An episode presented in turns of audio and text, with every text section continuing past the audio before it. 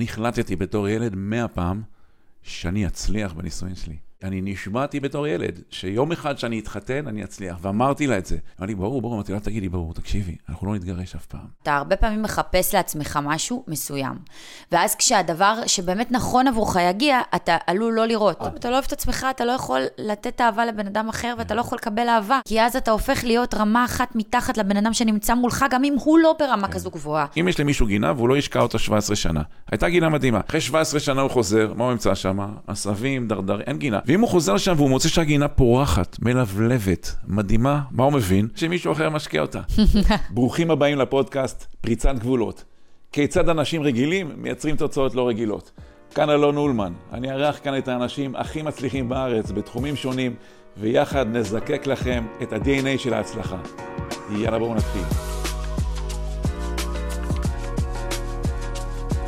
שלום אלופים ואלופות, איזה כיף שבאתם. יש לנו היום עוד פרק מדהים בפודקאסט פריצת גבולות, כיצד אנשים רגילים מייצרים תוצאות לא רגילות. יש לנו היום עורכת, יש לנו היום אורחת, עורכת זה יפה. כן, גם עורכת. גם עורכת. האמת שכן, היא עורכת חיים של אנשים, היא עורכת כל מיני דברים שאתם uh, תגלו בהמשך. אורחת uh, מקסימה, באמת, עם קסם אישי גדול, רותם חג'אג'. והיום אנחנו נדבר על uh, רותם חג'אג' היא מאמנת בכירה בתחום הזוגיות. אה, יש לה כבר כמה כיסאות בגן עדן על כל מיני אה, דברים שהיא עשתה בתחום הזוגיות. ואנחנו נדבר היום על תחום שרותם אוהבת, אני מאוד אוהב, תחום שהוא מאוד חשוב לליבי. כל מי שהיה בסדנאות שלי, בנבחרות שלי, יודע כמה אני מדבר על זוגיות וכמה זה חשוב לי, ותכף בהמשך אתם תבינו למה. אה, נכון ליום צילום פרק זה, אני לא יודע מתי זה ישודר ומתי אתם רואים את זה, אולי עוד 30 שנה, אם זה נשמר. אז נכון ליום הצילום הזה, אני נשוי. 32 אה, וחצי שנים לאורטל, אה, אהבת חיי, כל יום אני אה, אוהב אותה יותר, מעריך אותה יותר, מודה על הבחירה הזאת שעשינו, אבל אתם תראו בהמשך שהבחירה היא לא רק להתחתן, אתה צריך אחר כך לעשות בחירות כל יום. הנושא היום הוא נושא ממש ממש לא רק מעניין, הוא מאוד חשוב. בעיניי הוא קריטי, כי אתם יודעים, כשאין זוגיות, רוצים זוגיות, חלק שיש להם זוגיות, לא רוצים זוגיות, לא רוצים את זה ככה, והאמת היא כשהזוגיות היא טובה, אז זה מחפה על הרבה דברים שאולי פחות. אה, כשהזוגיות היא לא טובה או לא קיימת, הכל לא טוב, זה, זה מין משפיע על הכל, ו, ואפשר לשנות את זה. זה תחום שכמו הרבה דברים חשובים בחיים שלנו, אפשר להפוך אותו לממש, ממש, ממש מדהים, וזה אחד הדברים שהכי משפיעים על האושר שלנו. אז רותם, איזה כיף שבאת, מה שלומך? איזה כיף לי. בסדר גמור, תודה שאירחת אותי. בכיף. אז uh, אנחנו נתחיל. אני חושב ששאלה ראשונה, לא אמרתי לכם גם, הרעיון הזה יהיה מיוחד, אנחנו נעשה אותו בצורה מיוחדת. אנחנו אה, נזרום איתו. כן, אנחנו נזרום איתו, אני אשאל את רותם שאלות, אני אענה על השאלות שאני אשאל אותה, רותם תשאל אותי שאלות, היא תענה גם לשאלות שהיא שאלה אותה, אנחנו נזרום מתוך כוונה להביא לכם כמה שיותר ערך ותובנות והנאה, והנאה בתוך התחום הזה של זוגיות. אז אה, רותם, למה בחרת להיות... דווקא בתחום הזה של זוגיות? למה זה חשוב לך? אני לא התחלתי מהזוגיות, התחלתי עם התפתחות אישית, ועם הזמן פשוט ראיתי שהמון המון אנשים כשהם רוצים uh, להתקדם או להשיג משהו בחיים שלהם. אם הם נמצאים במקום שהם לא מקבלים אהבה ממישהו, שמישהו תומך בהם, נמצא לידם, הם בכלל לא. מצליחים להתחיל uh, לתפקד, להתחיל להתקדם, להתחיל לעשות דברים, ואז לאט לאט הגיעו אליהם מלא מלא רווקות. אה, ומתוך הסיפור האישי שלי, שתכף אנחנו קצת אה, כן. נרחיב עליו, אה, באיזה רציתי... גילאים? זאת אומרת, הגיעו לך רווקות, באיזה גילאים הרווקות בכל הגילאים. הם הגיעו? אני יכולה להגיד שמנעד מאוד מאוד רחב, מבנות בנות 19, 25, 24, מלא רווקות של גילאי ה-30, 40. זאת אומרת, ב-19 כבר יכול להיות שהן מוטרדות מזה שהן לא כן. לך, בגיל 19? כן, כן, היום כן. כאילו, הלחץ... היום כן. תגיד, באמת? אם היינו חוזרים עשר שנים אחורנית, אז להתחתן מוקדם היה מוזר. Uh-huh. היום כבר אנשים רוצים להתחתן. מעניין. מוקדם, הם בלחץ על זה. למה לדעתך? זו שאלה מעניינת. אתה יכול. לפגוש בחורה בת 22, וזה קרה לי השבוע. ב- בכל המגזרים או... בכל, בכל המגזרים. בחורות, אתה יודע, תל אביביות רגילות, שנמצאות דווקא בשלבי ה... מעניין. אני יוצא לטייל, אני יוצא לרקוד, אני... כן. ואתה תפגוש אותן, והן יגידו, אני כבר בת 22, ואני מרגישה שזה הזמן וואו. שלי ושהשעון אה, מתקתק. השעון הביולוגי. כן, ואני אומרת, בת 22, לא אני בגיל 22 בכלל לא חשבתי על להתמסד, זה לא, לא משהו שעבר לי בכלל בראש, אבל אנחנו די די חזרנו אחורה מהבחינה הזו. לא, זה לא יאמן, זה יכול להיות בגלל כל הנושא של הרשתות, וכל אחד רואה את כולם. אני חושבת שזה מתחתנים. בגלל שהמון המון אנשים רואים שמאוד קשה היום למצוא, זוג, למצוא זוגיות. זאת אומרת, יש המון המון בנות זאת רווקות. שאלה. קשה היום למצוא זוגיות? קשה היום למצוא זוגיות. באמת? כן. קשה היום למצוא זוגיות. קשה למצוא זוגיות, או קשה למצוא זוגיות לפי הפרמטרים ש... לא, קשה למצוא זוגיות עצמה. גם לפי הפרמטרים. קשה.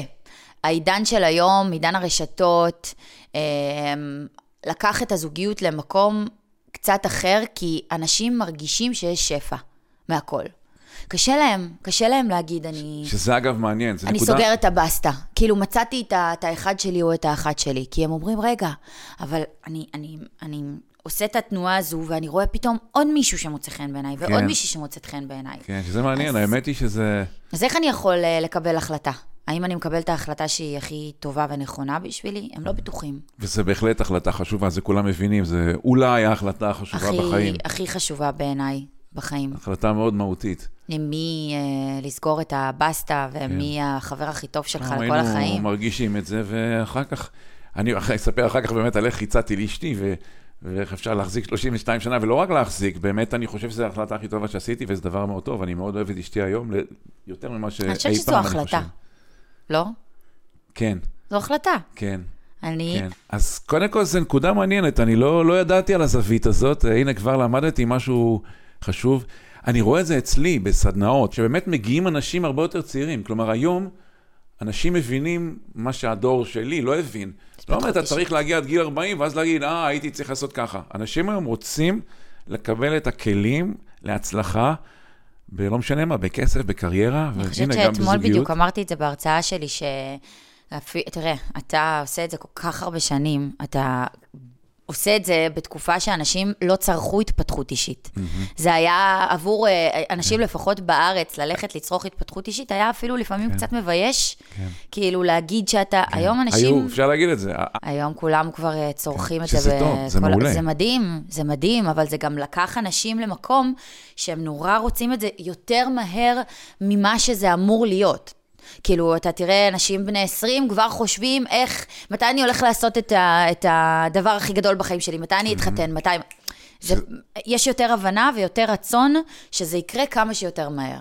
והאמת היא שאם אתה עושה נגיד על תחום של כסף או קריירה, אז באמת אתה יכול לעשות את זה בגיל יותר מוקדם, או כל מיני דברים אחרים של הצלחה, או ספורט, או לא משנה, בזוגיות, וואלה, יש איזו נקודה פה, אני חושבת שיותר בעייתית. כן, כי הלחץ הזה, את יודעת יותר טוב, נכון? הלחץ, מי שבלחץ לזוגיות, אותו דבר, כמו בלחץ להביא ילד, יש, זה רק מפריע. יש תמיד את המקרים החריגים. אני תמיד אומרת שאני, בגישה שלי, מאמינה שבן אדם צריך להתפתח ולעבור דרך ולהגיע למקום שהוא בשל עם עצמו, ללמוד מי אני, מה אני אוהבת, מה עושה לי טוב, מה נעים לי, איזה בן אדם אני רוצה שיהיה לידי כדי לחלוק איתו את, את, את החיים שלי, כי זו החלטה שהיא החלטה משמעותית. אני יכולה להגיד שאם אני מסתכלת עליי ברמה האישית, אני לא אותה בחורה שהייתי בגיל 23, ולא אותה בחורה שגם הייתי בגיל 28, בטח לא בגילאי ה-19 שלי.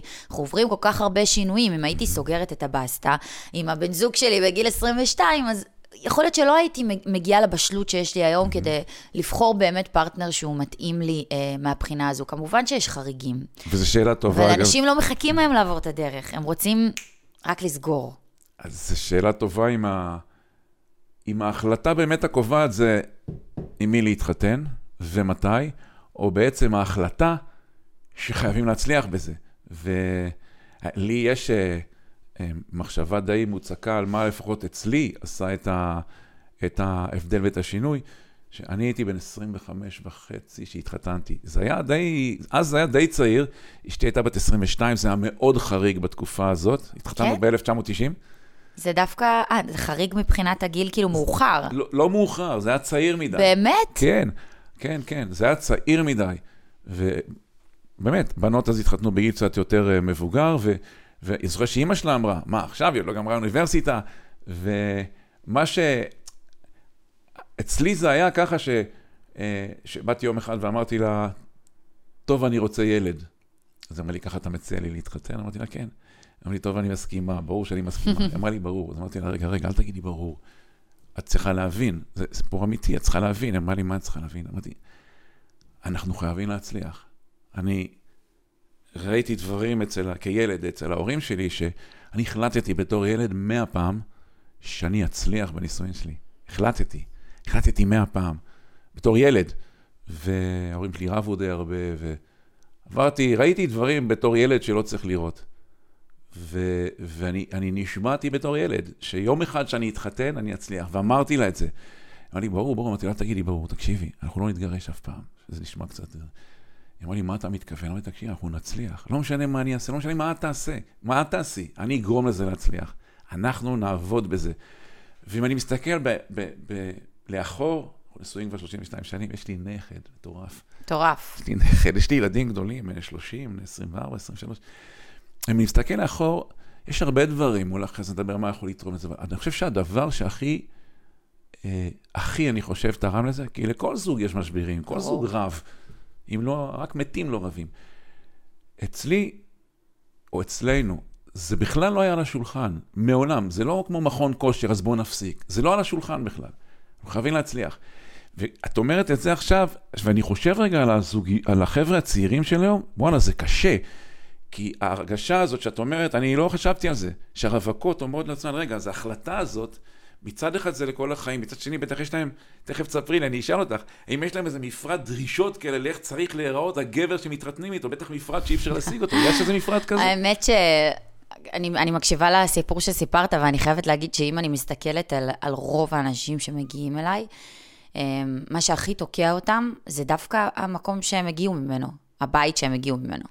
והרבה פעמים הם רוצים כמוך, הם אומרים לעצמם, זה יצליח, זה יצליח, אבל בדפוסים שלהם הם עושים את הבחירות רק כי הם אומרים לעצמם שזה יצליח להם, שהם לא יעשו את הטעויות שההורים שלהם עשו, ואז הם מגיעים להחלטה המהירה מדי ועושים את אותם הטעויות. אז לך זה הצליח, אבל הרבה פעמים זה דווקא כשאנחנו ממהרים לעשות את ההחלטה מתוך רצון לא לעשות, אז הרבה פעמים אנחנו עושים את הטעות הזו אני שם. אני לא חושב שצריך למהר, אני חושב ש... אה, זאת אומרת, כי זה בונה אותך, החוויות של שהדברים שעברת, בסוף אתה מביא את זה איתך הביתה, אני... וזה כאילו, זה נשאר לך תמיד בראש. אותך, אני רציתי לשאול אותך, איך את רואה את זה אצל הרבה, במקרה הזה, נשים. את עוזרת גם לגברים? כן, בטח. כן? מלא, כן. מגניב, אז קודם כל אני שאלת, אז רגע, אז יש לי עוד שאלה. אבל קודם כל, אה, את רואה את זה, איך משפיע הקטע הזה של הבית? מאוד שאנשים, משפיע. אנשים באים מכל מיני, יש אנשים שבאים, רואים זוגיות מדהימה אצל ההורים, יש אנשים רואים הפוך. גם אלה שמגיעים מתוך זוגיות מדהימה, זה משפיע עליהם מאוד. כי הם חוו אה, זוגיות מסוימת בבית שלהם, ואז הם מחפשים משהו מאוד דומה למה שהם אה, ראו. Mm-hmm. ואין זוגיות שהיא דומה לאחרת. זאת אומרת, אם אני... אה, אנשים אה, משחזרים את הזוגיות שלהם מנסים. או עושים הפוך? הם מנסים. מה, מה רוב האנשים? הם, הם מנסים, ואז הם מגיעים למקום שבמקום להתנהל בתוך החבילה שהם קיבלו, הם רוצים לנהל את זה כמו שהם ראו אצל ההורים שלהם, או כמו שהם דמיינו אצל איזה זוג שהם נורא אהבו ורצו שיהיה להם כזה. אבל החוויות שלכם הן אינדיבידואליות לכם. הבעיות שלכם הן שלכם. זאת אומרת, חילוקי הדעות שיגיעו בדרך, זה משהו שהוא אישי שלכם. זה לא דומה למה שהיה אה, בתקופה אחרת, בזמן אחר, בבחירות אחרות. וזו הבעיה, אגב, של רוב הרווקות גם, כן. שהן מחפשות משהו שהם ראו אצל מישהו אחר, או שיש להם איזושהי תבנית שהן מדמיינות אותה בראש, של משהו שנכון להם, שמדויק להם. מה המפרט שלהם לגבר? תראה, ה... המפרט הוא בדרך כלל די זהה אצל כולן. יש להן דפוס מסוים של נראות, שרובן גם לא, אה, לא, לא יודו, אני אגיד. ברד פיט? לא, דווקא לא ברד פיט. הם יגידו שהן לא אה, רוצות אותו נמוך. אוקיי? או שהן לא אוהבות אה, שעיר, או ש... שהן רוצות שיהיה לו אף מסוים, או צבע שיער מסוים. אה, יהיה להן דברים, אתה יודע, אה, קטנים כאלה, שמבחינת הנראות הן... והוא שיהיה קשוח אבל רגיש. ג'נטלמן אבל גברי. ואז כשהן מגיעות להתייחס לדברים הרלוונטיים באמת, הן רוצות שהוא יהיה אה, אבאי, okay. אוקיי. ושהוא יאהב אותן. ושהוא יהיה מכבד, ושהוא יהיה חרוץ, ו... ואז אתה רוצה לדעת, אבל איך את יודעת שהוא כזה? הרי לוקח זמן עד שבאמת אנחנו מגלים את האופי האמיתי של הבן אדם ש... שנמצא איתנו. זה יכול לקחת חודשים לפעמים אפילו. אז איך את יודעת? את מגיעה איתו לדייט, ואת רוצה עכשיו לדעת שהוא מצחיק, ושהוא רגיש, ושהוא יכיל אותך, ושהוא יקשיב לך, איך, איך את יודעת? תוך כמה זמן? בכלל, מאיפה את יודעת באיזה מצב הוא מגיע לדייט? אולי הוא ביישן ולוקח לו יותר זמן להיפתח. והיא רוצה בפגישה הראשונה לגלות את זה? הכל. ואז אם כן. הוא עושה איזושהי טעות, כאילו, בתחילת הדרך, היא מבחינתה כבר מתה לסמס לחברה שלה, ממי, תסמסי לי רגע ש... שאת צריכה אותי, שאני צריכה ללכת, שמשהו קורה, כאילו. וזה חבל, כי כן. בסוף, נכון אמרנו קודם על בחירה, הסיבה בסוף כן. שאפשר להישאר ביחד כל כך הרבה שנים, אה, אחרי ילדים, אחרי חילוקי דעות, אחרי שהחיים משתנים, מלא דברים קורים בדרך, זה כי באמת אתה בוחר בבן אדם. כל יום. כל יום, בבן. אדם, כי זה אהבה וזה, אנחנו אומרים, אני, אני שומעת אותך אומר על אשתך המהממת, אני אוהב אותה. אבל זה אני אוהב אותה, זה אני לא מאוהב בה. אני בוחר להגיד, אני מאוהב, אוקיי? אבל זה לא הפרפרים, זה לא התשוקה, זה לא הרגש הזה של יואו, אני מחכה, זה לא. זה בחירה, האהבה הזו היא בחירה. זה ממקום אחר. היא בחירה, וזה גם אה, אני, ומה שאני עושה, וגם את יודעת, שזה לא, זה קצת נשמע כמו אצל, מה שאמרת, זה כאילו אצל, ה, אצל אותן אה, אה, נשים, שבו כאילו הן מחפשות, אה, הרי בן אדם זה מנטליות צומחת, זה לא אותו בן אדם. לגמרי. אני לא אותו בן אדם שאשתי התחתנה איתו אז בן 25, אה, במובנים מסוימים, אני הרבה, יותר- לא, אני הרבה יותר טוב, אני הרבה יותר חכם, כי התפתחתי, אגב, גם אשתי, משמעית.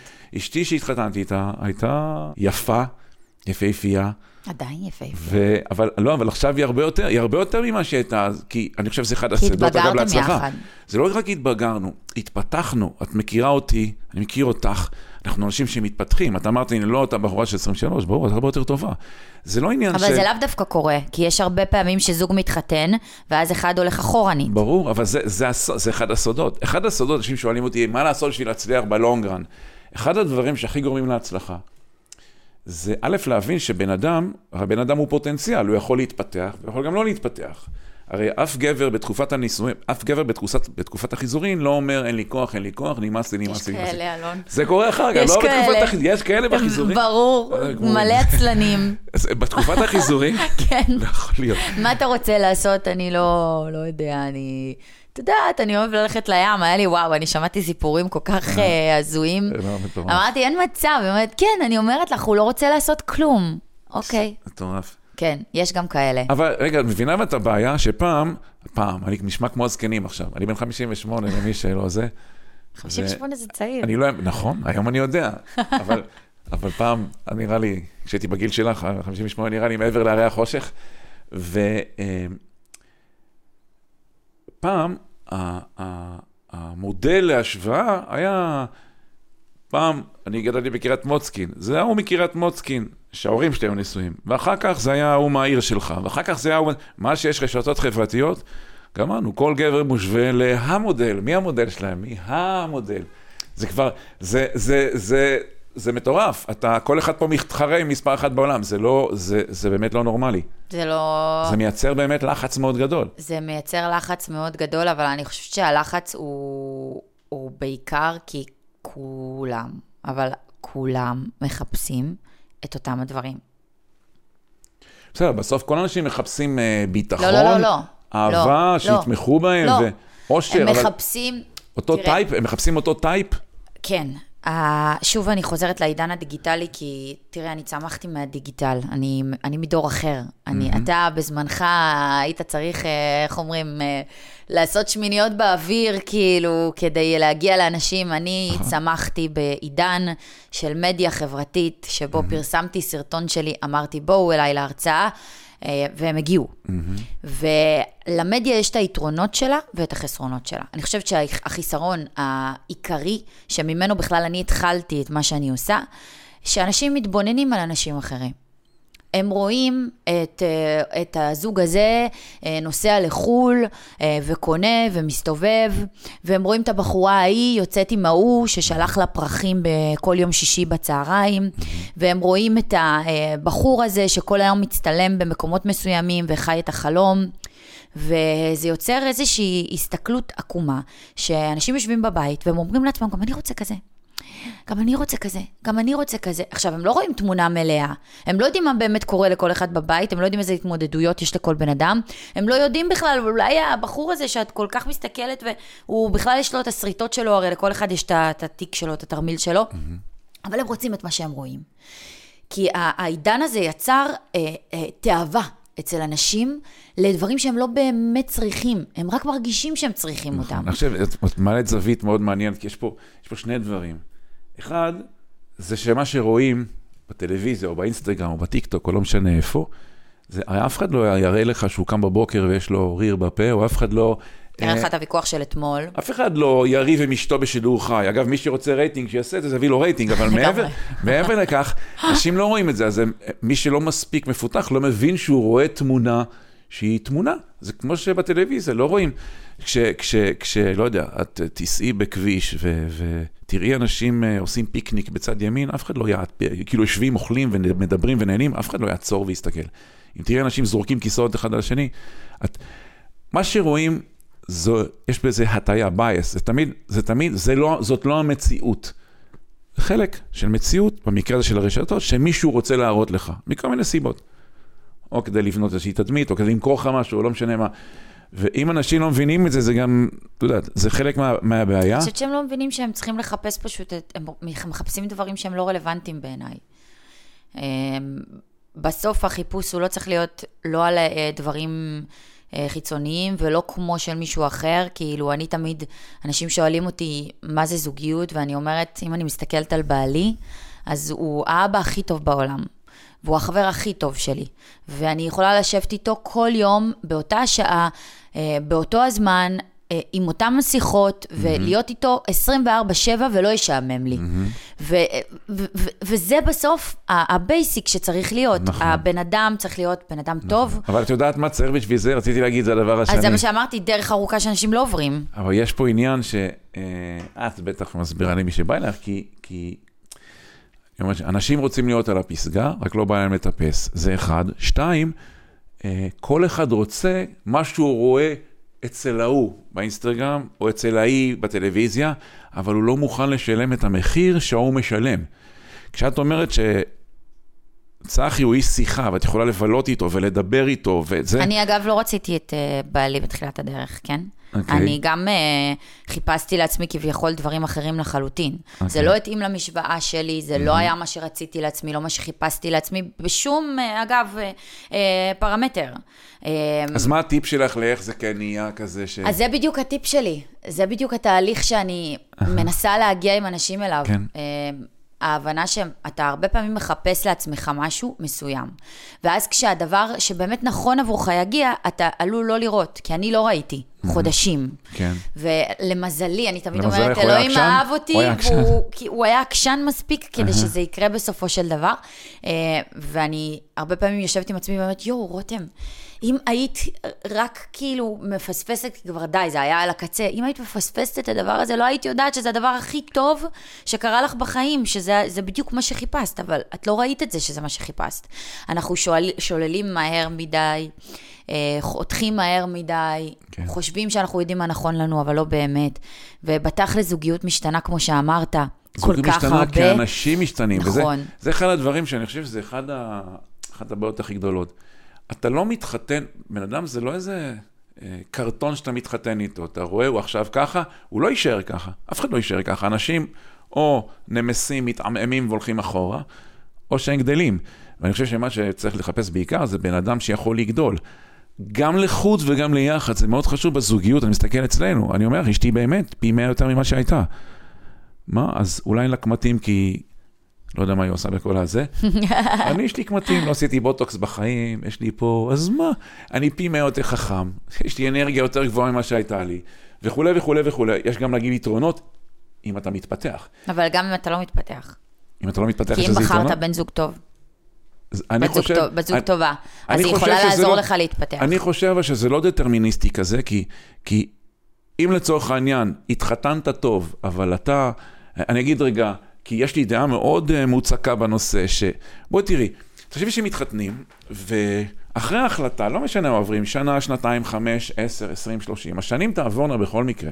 עכשיו, אם למשל, יש ז'אנר שלם של אנשים, שמתנהג, את יודעת, בהתחלה, בהתחלה אנשים אה, וזה, ופוצי מוצי, ומתאהבים, כמו שקראת, והם עושים, ומחכים... אני קוראת לזה חתול בשק. לא, גם מחכים כל היום לדבר איתו ולהגיד לו וזה, ויש התנהגות מסוימת להתחלה. ואז אצל חלק מהאנשים יש אמצע, שהם טה-טה-טה-טה-טה, ואם הם מזניחים ומזניחים את עצמם... לא, כשהם מגיעים. לנקודה שפשוט הם הגיעו ל... ליעד, הם מתחילים להזניח. וזה, ואז אם אתה מזניח גם את עצמך, ו... ואז האמצע הוא כזה, ואז יש סוף. האמת היא שאם אנשים יתנהגו באמצע, כמו שהם מתנהגים בהתחלה, לא יהיה לזה סוף. לא יהיה לזה סוף. אני רוצה להסביר שנייה. ההפך מלטפח זה להזניח. אנשים לא אוהבים לשמוע את זה, אבל זאת האמת. ההפך מלטפח זה להזניח. אני מטפח את עצמי בגיל 58, אני עושה ספורט. זה שאני עושה ספורט זה טוב לזוגיות, זה גם טוב לעסק, זה גם טוב לזה. אשתי מאוד מטופחת. אם הייתה מוזנחת, זה כנראה היה פוגע בזוגיות. אתה יודע, עזבי אותה, אני, אם אני הייתי מזניח את עצמי, והייתי, לא יודע מה, מוזנח כלכלית, מוזנח uh, גוף, אני לא יכול להגיד את זה אפילו. לא, לא הייתי. אני לא יכול, כי אני בן אדם כזה. אבל זה, ברור שזה היה פוגע בזוגיות. מה הייתה אומרת? בואנה, התחתנתי איתו כשהוא היה בן 25, הוא היה מדהים. תקשיבי, יש המון אנשים שהם באמת מדהימים. כל, האמת, כל האנשים מדהימים. וחלק מהאנשים לא כל כך יודעים איך להצליח, מאבדים את המוטיבציה וכולי וכולי. אנשים צריכים להבין, אם אתה לא מטפח את עצמך, אתה גומר את הזוגיות שלך. ש... קשה מאוד להיות מאוהב במישהו שיושב על הספה ומקלל, וכל היום נותן הנחיות לראש הממשלה. הוא שנים לא, לא זז, היא לא רואה את מי התחתנה איתו. אני חושבת אבל שכולם משתנים בסוף. זאת אומרת, גם כשאני מסתכלת על אה, כולם משתנים, השאלה אם זה בכיוון שאנחנו רוצים. גם אם זה לא בכיוון, לא. אני, תראה, הרבה פעמים יש מצבים שאנשים משתנים לא לכיוון שאנחנו רצינו. אוקיי? ש... אבל זה... מתפתחים, לא חשוב, זה, נכון, אבל. זה לא אומר בעיניי אה, משהו עליהם דווקא. בגלל זה אמרתי קודם, שאם יש פרטנר טוב או פרטנרית טובה, אתה יכול לזכור מה בחרת מלכתחילה? למה מלכתחילה נכנסתי לקשר הזה? למה בחרתי להתחתן עם הבן אדם הזה? ויכול להיות שבשלב מסוים הוא אה, קצת בחר להזניח את עצמו, או קצת הלך אחורה. אבל אני צריכה... העניין הוא שזה בחירות לא מודעות. נכון, אבל להם... אם, אם אני ערנית מספיק וחשוב לי מספיק, אז אני יכולה כן לראות את זה, ואולי כן לעזור לבן אדם מתוך המקום של ההתפתחות מעולה. האישית שלי, להגיע את, לשם. כי את עוסקת בהתפתחות אישית, אז לא, את יכולה לדבר גם ככה. לא, לא, אני חושבת שברגע שאנשים מבינים את זה, ותארי לך שהוא... הם יכולים לעשות את זה. ותארי לך שמישהו כל היום מייצר ביקורת על בן או בת הזוג שלו, מתלונן. אבל זה ביקורת מתוך מקום שלא לעצמו. הרבה פעמים אנשים מתוסכלים יעבירו ביקורת על בן הזוג שלהם. שוב, את מדברת כאדם שמבין התפתחות אישית. את אני, צודקת. אני, נכון, אבל אני אומרת לך שבתוך המקום של הזוגיות, כשבן אדם מבין את זה, mm-hmm. והוא בא מתוך מקום של אני מוכן להכיל, ואני מוכן uh, לשקם, ואני מוכן לטפל, אז הוא כן יכול לראות את זה במקום הזה. ברור, כי מי שראה, רע לו, לא קרה סתם. אז אפשר, אפשר לעבוד על זה ואפשר לטפל בזה, אבל לא מתחילת הדרך. בתחילת לא, הדרך... לא, בתחילת הדרך זה לא קיים בכלל, זה דברים של אחר כך. זה גם קיים, אז, אז אני יכול בטח לתת, שזה קיים. אז למשל, אחד הטיפים שאני חושב שאפשר לתת למי שמחפש זוגיות, זה אחד הדברים הכי חשובים לחפש, זה לראות אם האדם יש לו נטייה להתפתח, זה נקרא מנטליות צומחת, הציור שלי הזה המפורסם, אני עכשיו לאני הגדול, אתה רואה את זה, יש אנשים שיש להם מנטליות צומחת, זאת אומרת, הם רוצים לגדול, הם רוצים להתפתח, הם, הם משתנים לכיוון שהם רוצים, כי להשתנות בכל מקרה נשתנה. לא משנה מה נעשה, אנחנו נשתנה. השאלה אם זו השתנות מודעת לכיוון שאנחנו רוצים. ואת הזכרת משהו שקודם, שאני רוצה להגיד, אני חושב שאחד הטיפים ש... שמאוד עזרו, אה, אם אני מסתכל ברטרוספקטיבה לזה שאנחנו נחיה כל כך הרבה שנים, זאת אומרת, לי זה נראה נורא, נורא ברור, אבל, אבל כנראה שזה לא כזה ברור.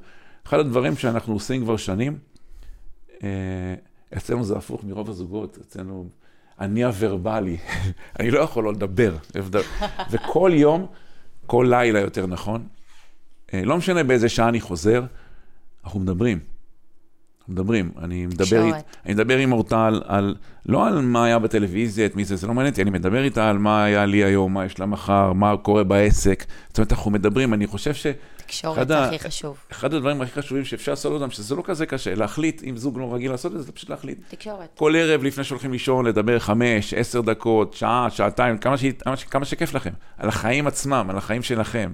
אתה חושב שבן אדם, אגב, אה, בהקשר של השיחה שלנו אה, לפני, אתה חושב שבן אדם שמגיע לתוך אה, קשר ולא מגיע מתוך מקום שהוא רואה צמיחה ברגע הזה, זוגיות יכולה לעזור לו להתפתח? כאילו, יכול להיות מצב שבן אדם דווקא לא רואה את עצמו... קודם כל, קודם כל כן. זה, אחד התסכולים הרי הגדולים בזוגיות של רוב האנשים, זה שהם מנסים לעשות משהו שהוא... הרי מתחתנים עם מישהו, ואז הם מתחילים לנסות לשנות אותו. זה אחד הטאקלים הכי גדולים. נכון. מתחתנים עם מישהו, ואז הם מתחילים לנסות לשנות אותו. והרעיון הוא, הרי גם במציאת זוגיות, זה, אני שואל תמיד אנשים, תגיד, אם היית יכול להתחתן עם מי שאתה רוצה בעולם, היית מתחתן איתך? או כי הרעיון, את שוב, את מדברת כבן אדם מאוד מפותח. עכשיו פתאום חשבתי, אם אני רוצה להתחתן איתי. כן, קשה, לא, גם איתי קשה. לא, אני הייתי רוצה להתחתן איתי. גם אני. הייתי מתחתנת. איתי. לא קשות כאילו לעמוד בסטנדרטים, אבל כן, כיף, אני חושב שכיף. אבל גם אני לא הייתי כזה תמיד. דרך אגב, אני חושב שבהתחלה לא היה ממש פשוט איתי, כי זה לא היה כמו עכשיו. אני, דרך אגב, מודה לאורטל הרבה מאוד שנים שלא היה פשוט. של סבלנות. כאילו, כי כן, אני הייתי אדם מאוד שאפתן תמיד, אבל לא הייתי ממומש, הייתי הישגי, אבל לא הייתי ממומש, לא הייתי כמו היום. אז אתה יודע, כשבן אדם לא ממומש, הוא מתוסכל. ואני מודה לה על השנים ההם, היום אני תמיד, היום אני חושב שדי נחמד לחיות איתי, עם כל החבילה, אבל אני חושב שכן, על מה ששאלת, כן. בן זוג שהוא, שהוא יודע, כמו שאמרת, להכיל, שיודע להביא את בן הזוג השני, וזה אולי הדבר הכי חשוב, הרי בסוף מה אנשים רוצים? גברים, אחד הדברים שהם הכי רוצים, שבת הזוג שלהם תהיה מרוצה. לא כולם יודעים איך, אבל הם מתים על זה, כאילו זה, אנשים יוצאים למלחמות, עושים אלף מהלכים כדי שבת הזוג שלהם תכבד אותם, תאהב אותם, וזה נכון מה שאת אומרת, בסוף כולם רוצים אותו דבר. ו, אבל הרעיון הוא להסתכל, זה לא רק לקבל אהבה, זה לתת אהבה. במערכות יחסים בכלל, כל מה שאתה רוצה לקבל, תן. וזה יגיע, אתה רוצה כבוד, תן כבוד, אתה רוצה אהבה, תן אהבה. לא בשביל לקבל, פשוט תיתן, ו, וזה יגיע. ואולי עוד דבר שאנשים צריכים להבין, שזה, אני חושב, זה לא איזה one shot, זה לא שאתה מוצא עם מי להתחתן ואתה מתחתן and that's it. זה אני כמו... דווקא חושבת באיזשהו מקום שכן. כן? ואחרי שהתחתנת, אני חושב שזה כמו גינה. תראי, אני מאמינה היום? כן. כי אני חיה את הדור החדש של, כן. שהוא יותר בעייתי. אני מאמינה שככל שגוררים את הזמן בקבלת ההחלטה, צצות בעיות בדרך. תמיד אני שולחת גם אנשים שהם הולכים לדייטים, אני אומרת, תקשיבו, כאילו, תבחרו את הטייפקאסט שלא הייתם, לא הייתם בוחרים מלכתחילה. לא, לאו דווקא, גם לא בנראות. לא בנראות, כאילו, תגיעו לדייט הזה, בא לכם לקום ממנו, אבל אל תקומו. אבל תגידו לעצמכם שאתם יוצאים לדייט הזה כדי להרוויח כוס יין וארוחה טובה. ומה, נשים, גם כאילו, גברים... תהנו מהדייט הזה. אל, אל תגיעו מתוך מקום שזה מעיק עליכם. נכון. שזה כבד, של אין לי אולי- כוח, אולי ובטח שלא זה לא צריך לקבל יתאים. החלטה ו- בדייט הראשון. לא צריך נקודה. כמובן שיש מקרים חריגים, אתה יודע שפתאום, אה, אתה- יודע, יש פלופים אלוהים, חבל על הזמן, מלאכים כן? ו- יש. אנשים, וואו, סיפורים ששמעתי.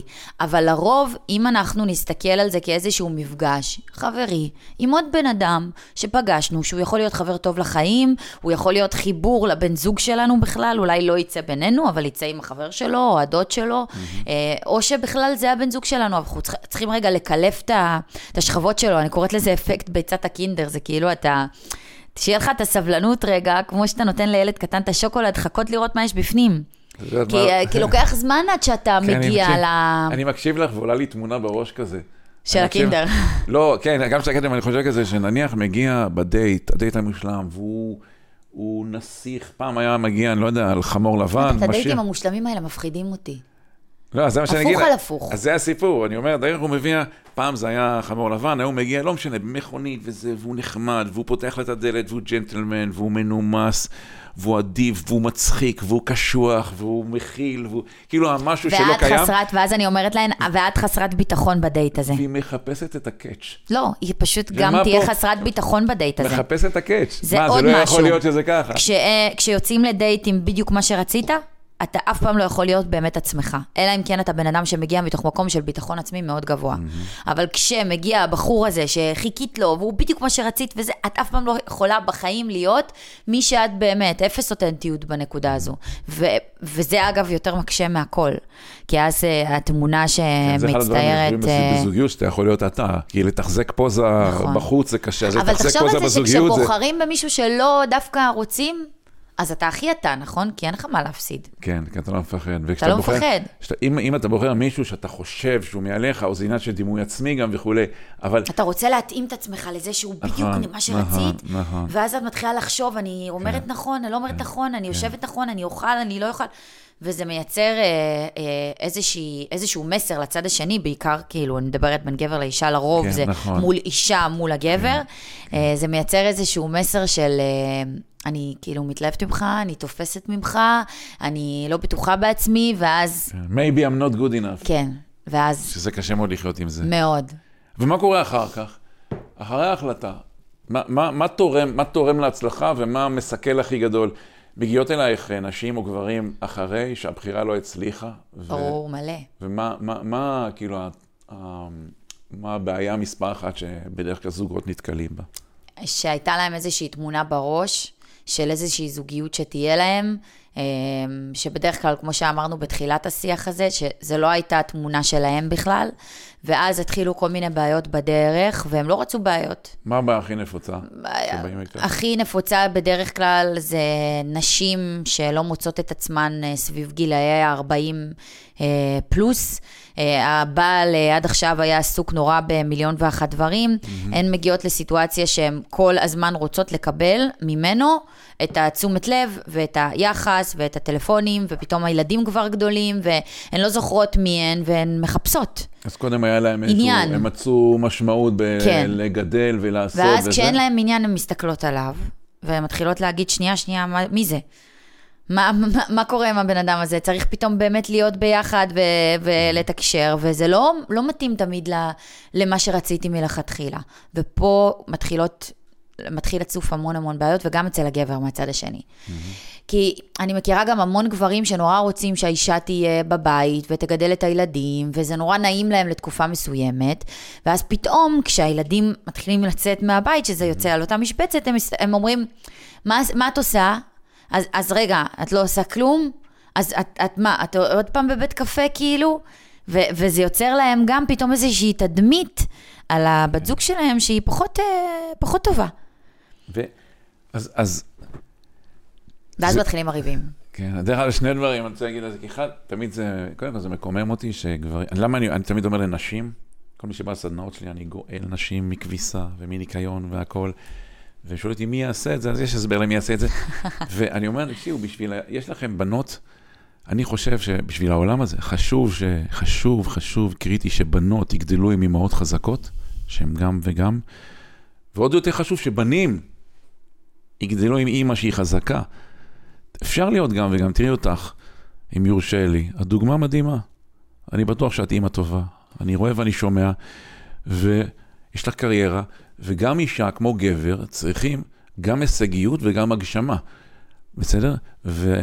ו... אני חושבת שלא הרבה אנשים מבינים את זה. אז זה בדיוק העניין.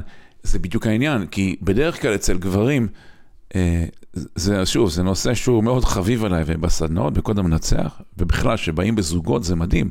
כשבאים בזוגות, אני גם גורם לגבר הזה להבין, כי באיזה ספר כתוב, כל אחד, כל, כל אחד כדאי שישאל את עצמו, כולל הגברים שרואים אותנו עכשיו, למה הם רוצים שהאישה תהיה בבית? זה תמיד בא לא ממניעים של אור, זה בא ממניעים אחרים. זה ממניעים של ביטחון עצמי נמוך. כן, לא. ביטחון עצמי, דימוי עצמי, אה, קנאה של... אה, קינה במקרה הזה היא לא טוב. זה נכון שמי שאוהב, אבל אין לו ביטחון הוא מקנא, אבל אתה יכול משהו אחר גם, בסדר? זה, ו... זה, זה, זה, זה יפה שאתה אומר את זה, כי בתכלס, אני התחתנתי עם בעלי כשהוא היה אה, איש נדל"ן אה, מאוד מצליח ועורך דין מאוד מכובד, ואני תמיד עבדתי, קראתי את התחת בעבודה, ונורא רציתי להגשים את עצמי. פתחתי מלא עסקים וסגרתי אותם, אבל לא אמרתי לעצמי, כאילו, לא הייתי טובה, סגרתי, כי כולם באמת עבדו טוב. אבל לא הרגשתי שאני מסופקת, וכשהכרתי אותו היה יותר קשה להרגיש מסופקת. כי כאילו, יש הכל. ואת לא צריכה פתאום אה, את המרוץ הכלכלי הזה, ולא שום דבר. Oh. ואז אני יושבת בבית, ואני מרגישה שכאילו משהו מתחיל לכרסם בי. יפה. ואני אומרת, מה קורה לך, רותם? מה קורה? ואז את אומרת לעצמך, בוא, אני אמורה להיות מאושרת, מה קורה נכון, פה? יש זה כאילו, יש לי הכל, ומה גם, למה, okay. את, למה את רוצה לחזור בכלל למרוץ הזה? את okay. לא אוקיי. צריכה אותו עכשיו. וזה העניין, שזה, זה הרבה... גם גברים לא מבין, ו- ו- וחבל שנשים גם... אבל לא כולם יודעים שיש להם, לא כולם מרגישים שיש להם משהו שהם יכולים לתת, למרות שלכולם יש. אגיד, אז אני אגיד לטובת מי ששומע אותנו עכשיו, רואה אותנו, כן. אה, יש כזה דבר שזה בדיוק מה שלא מלמדים אותנו בעולם המערבי. כל הזמן אנחנו חושבים שבמונחים של הישגיות, שהשאירים לך הצלחה זה הישגיות, ולהשיג את זה, ולהשיג את זה, ולהשיג את זה, לא משנה מה, כסף ברמה מסוימת, להתחתן, לא משנה מה. הישגיות, וזה בדיוק מה שהיה אצלי עד גיל, עד גיל 40, הייתי אדם מצליח, השגתי את זה, והשגתי את זה, והשגתי את זה, ותארים, ודרגות, ובלה בלה בלה, ודירה, ודירה יותר גדולה, ובית, ו... וכל הזמן לא הייתי מרוצה. כי השגתי והשגתי, וכלפי חוץ הייתי מוצלח. מה לא היה? אה, הצלחה זה גם הישגיות וגם הגשמה. כשאנחנו לא מוגשמים, אנחנו מרגישים את זה פה. אז גם לי לא היה, לא היה לי את הז'רגון, לא היה לי את ההמשגה להבין בכלל מה זה. והישגיות זה מדע, ניתן ללמוד איך להשיג כל מיני דברים, והגשמה זה אומנות, אבל גם את זה ניתן ללמוד. ואני בקטע הזה חסיד גדול של נשים, אני לא סתם אומר את זה מן החוץ אל הפה. העובדות הכי בכירות שלי זה נשים. אשתי אישה חזקה, היא תמיד הייתה, וגם כשהתחתנו ואני הרווחתי 6,000 שקל, והיא הרוויחה 6,000 שקל, הייתי קצין בחיל הים, ו- והייתה לה קריירה. ו... ו- אני חושבת שזה מאוד חשוב. ממש. מאוד. ממש, וגם... הכי חשוב. נכון, הייתה לה קריירה והיא הייתה מנהלת עם הזמן, בהתחלה כלום, כאילו זה לוקח זמן לבנות, היא לקחת לה זמן לבנות את עצמה ואני לבנות אותי, ואני הזמן רציתי שהיא גם תעבוד איתי, והיא לא רצתה, היא עשתה את הדברים שלה, והיום, אה, ברוך השם, זה, אחרי שהיא עשתה את הקריירה, אז היא כן עובדת איתי בחברות שלנו, אבל אני מאמין גדול בזה, ואני חושב שהעולם יהיה טוב יותר. כשנשים, הרי אין ספר אחד בעולם, אני, תראו לי ספר אחד בעולם, שכתוב בו והאישה תנקה, והאישה תכבס, והאישה תבשל. עכשיו, אני גם לא נגד מי שרוצה, תראה, אבל זה כן בוולט דיסני. מה? בוולט דיסני. אבל לא, אני אומר לך ש... אני אומר זה לך... כן באגדות. זה, אבל זה, זה, קודם כל, אני כן חושב, קודם כל, תפקיד מאוד חשוב זה אימא, זה תפקיד אלוהי. ברור. כן? עכשיו, פה כבר מתחילה ההגדרה, מה זה אימא. בסדר? ויש לזה כל מיני פירושים. הרי יש מנכ"ליות של בנקים. נכון? אז קשה להניח שהיא מנקה את הבית, הרי לא. זה כמו שאני אנקה את הבית, אני יכול לנקות את הבית, אבל זה, זה בזבוז. אני, יש לי את קוד המנצח, אני עוזר לאלפי אנשים, אם הייתי מנקה את הבית, לא הייתי יכול לעשות את זה. בקיצור, נכנסנו פה לנישה שלא התכוונתי לדבר עליה, אבל אני אדבר עליה בפודקאסט אחר, אבל אני ממש מאמין בזה. אני, אני אה, חושב, בטוח, שנשים, באופן בסיסי, יש להן הרבה יותר חוזקה וגמישות מגברים, ו... מסכימה איתך, ואני גם חייבת להגיד אבל, שיש המון אנשים ש... אה, אולי נמצאים במקום שהם לא חייבים לצאת לעבוד בשביל הכסף, המון נשים שנמצאות נכון, במקום הזה. נכון. ואני חושבת שיש כל כך הרבה דברים שנשים יכולות לעשות ולתרום כשהן בזוגיות דווקא, מתוך המקום השלב של הטיפול בילדים, של לקחת כמה שעות, כן. אה, ללכת להתנדב אפילו, לעשות משהו גדול, ש, נכון. של, שבהגשמה נכון. היא לאו דווקא הכסף, נכון. כמו uh, לעשות נכון משהו מאוד. שעושה לך טוב. נכון. שאת יכולה לחזור הביתה לבן זוג שלך, והוא לא חזר הביתה מהעבודה, מותש עם הלשון בחוץ, ואת כאילו, אה, אין לך במה לשתף, כי, כי, כי זה חשוב, השיח הזה של יש לי מה לתרום ויש לי מה לספר, אה, ויש לי דברים משל עצמי, והיה לי משהו שקרה לי היום שהוא עשה לי טוב בנשמה, הוא מאוד חשוב גם ברמה הזוגית בבית, אה, בינך לבינו, כאילו... נכון. לתת פייט הקטן הזה, כאילו, של, גם לי יש, אני גם רוצה לספר לך משהו היום, אתה... זה רק לא בשבילו, זה בשבילך. עשיתי משהו משמעותי, לגמרי. הרי כש, כשגבר מרוצה, ש, ש, בכלל גם אישה, כשטוב לנו אנחנו טובים, וכשאנחנו טובים טוב לנו, וכשלא טוב לנו, מסיבה כזאת או אחרת. יוצא הכי הרבה בבית. אז, אז איפה זה יצא? זה צריך לצאת על מישהו. הכי הרבה. ו, ולכן, אני, אחד הדברים, זה תורם לזוגיות, צריך להבין את זה. התפתחות והשקעה בעצמך תורמת לזוגיות. הדברים הכי בסיסיים, אפילו ספורט, אפילו, לא יודע מה, לא משנה, כל, הרי אנחנו הנכס בסוף. אני הנכס שלי, אני הנכס של הילדים שלי, וגם אני הנכס של בת הזוג שלי, והפוך. כלומר, ככל שאני טוב יותר, לא משנה במה, אם אני משקיע בעצמי והיכולות שלי גדלות, אני יכול לעשות טוב יותר, גם בעולם וגם בבית. בקיצור, אני חושב שדיברנו מספיק על התפתחות, אה, אז מה... בואו נענה קצת על שאלות. כן, אז זהו, אז רגע. לא, לא עברנו עליה כל כך. רגע, רגע, רגע. הכי אוהבת שאלות תשובות. כשש, כששאלתי אותך בעצם מה הבעיה מספר אחת של זוגות, אז זה, זה איכשהו מתכנס לזה שבאיזשהו שלב, אחד מבני הזוג, סטטיסטית, זה בדרך כלל נשים וחבל, מרגיש שהוא אחד מתקדם, אחד לא, והוא לא מוגשם, הוא לא מוגשם, ואז מתחילות בעיות.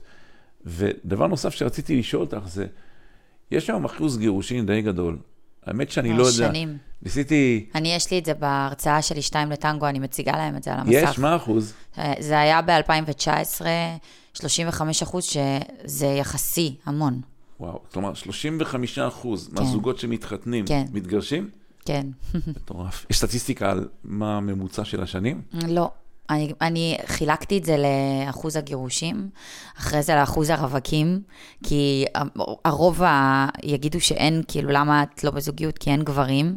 אז חילקתי כמה גברים יש וכמה נשים יש. ספרי לי, זה מעניין. יש יותר גברים רווקים, רק בתל אביב אפילו, מבשאר המקומות. אז יש גברים לכל מי ששומעת כאן את הפודקאסט הזה. זה אגב תפיסה מעכבת. ברור, אמונה... אין, אין, אין מספיק גברים, או כל הדברים הם משהו שמתחיל באות השביעית ומשהו שמתחיל באות השמינית, או... כל, ה, כל השווים דפוסים. בדיוק, או אם יש גברים טובים. כל הטובים נשואים. אז כמובן שזו אמ, תפיסה מעכבת, ברור, כן? ברור. כי אם היא מוצאת מישהו מדהים, אז היא מחפשת איפה הוא... אני מאמינה שבן אדם שעובר שינוי, עובר אה, הבנה עם עצמו למה באמת הוא צריך, מוצא זוגיות. וגם בן אדם שמחפש, אנשים לא מחפשים היום, מחכים שיפלו עליהם דברים מהשמיים, שאולי איזה חסידה כמו מביאה תינוק, תביא להם בן זוג או בת זוג. איך את זה רואה לא את עובד הקשר? ככה. איך את רואה את הקשר שזה ל... לדימוי עצמי ולאהבה עצמית ולקבלה עצמית? כשאתה אה, מדבר על אה, אהבה עצמית, אז אם אני אוהבת אותי, אני רוצה לדאוג לי כמו שאני עושה בבית שלי, שיהיה לי טוב. לכן הרבה פעמים על דברים שאני יכולה להיכנס לתוך שיח שהוא מיותר עבורי, אני אגיד לעצמי, חבל על האנרגיה, בואו אנחנו יכולים ליהנות עכשיו ביחד, בואו נהנה ביחד. במציאת זוגיות. במציאת רווקה- זוגיות. רווקה וקשה לה כל הזמן למצוא זוגיות. זה לא קשור מה זה לאהבה קשה? עצמית. אני תמיד שואלת אותן את השאלות האלה, את יוצאת לדייטים? יוצאת, לפעמים. למה לא כמה פעמים בשבוע? מה, הגזמת. את נמצאת באפליקציות? אפליקציות כולם מחפשים דבר אחד, אבל יש חרא בכל מקום, ויש אחד שצף, אוקיי? הצף הוא כנראה משובח יותר מהאחרים. איך נגיע לאחד הזה שצף, אם לא נחפש אותו? את אומרת לאנשים שאת רוצה זוגיות? את יודעת, לא. את uh, מרגישה עם עצמך שכשאומרים לך בקרוב אצלך, שזה מה שהכי מקפל היום נשים, הבקרוב אצלך הזה, למה זה מקפל אותך? את לא רוצה שבקרוב יהיה אצלך? למה זה, למה זה גורם לך כל כך לאי נוחות? מה התפיסה המעכבת הכי נפוצה שאת רואה שם? אה, בעיקר המון המון אה, אנשים שלא יעידו על עצמם, שהם פשוט לא אוהבים את עצמם. או, אז גם אני חושב שזוגיות מתחילה בעצם, אה, למצוא זוגיות מתחיל בזה שאתה אוהב את עצמך. ברור, אם אתה לא אוהב את עצמך, אתה לא יכול לתת אהבה לבן אדם אחר, ואתה לא יכול לקבל אהבה. כי אז אתה הופך להיות רמה אחת מתחת לבן אדם שנמצא מולך, גם אם הוא לא ברמה כזו גבוהה. אתה נותן לו את האפשרות להיות שם. זה משפט שהוא קצת אכזרי, אז אני לא אומר אכ- אותו לאנשים, אבל אם אתה לא אוהב את עצמך, למה שמישהו יאהב אותך? זה לא אכזרי בכלל, זה הכי מדויק בעולם. אני לא כל הזמן אומרת. את זה בכל ההרצאות שלי, אם אתה לא תאהב את עצמך, אתה לא יכול לקבל אהבה מאנשים אחרים. וגם כשאתה תקבל אהבה, אתה תרגיש תמיד שכאילו לא מגיע לך את המקום הזה. אז, אה, ואני חושבת שהרבה אנשים לא מבינים שיש להם כל כך הרבה מה לאהוב. באמת, ושלמצוא זוגיות אה, זה אומנם קשה, אבל את, כל אדם ראוי לקבל אהבה. כאילו, יש כאלה שמרגישים אגב שהם לא, זה אבל הם... בדיוק העניין. כולם ראויים, וחלק מרגישים לא רואים. הרי כמה אנשים מסתובבים בתפיסה של אה, I'm not good enough, מלא, בס... ואנשים מלא. מלקים, מלקים את עצמם בביקורת, כל האנשים הביקורתיים הרי הם גם ביקורתיים כלפי עצמם. מלא. הם משווים גם כלפי עצמם. ברור, הכי הרבה. אנשים שבק... הבן אדם שביקורתי הוא הכי ביקורתי שזה כלפי אגב עצמו. התנהגות, ר- שבע התנהגויות, שבע התנהגויות רעילות. אחת ב- זה ביקורת ואחת זה השוואתיות. זה הרי כל פעם, ש... כל פעם שאת משווה את עצמך למישהו למישהי, את חותכת את הדימוי העצמי שלך לחצי. כי את גם לא דומה לאף אחת אחרת. אני לא לא דומה לאף צריך. אחת אחרת, ואף אחת אחרת לא דומה לי. בספר שלי על הזוגיות עד עצם היום הזה, יש לי פרק שקוראים לו רק שמישהו ייקח אותי. וזו התחושה היום. וואו. רק שמישהו ייקח אותי. כאילו כבר, זה לא משנה, אני רק רוצה לסגור את הבסטה, רק שמישהו ייקח אותי, כי אני מפחדת שזה מה שדיברנו קודם, שמישהו לא ייקח אותי.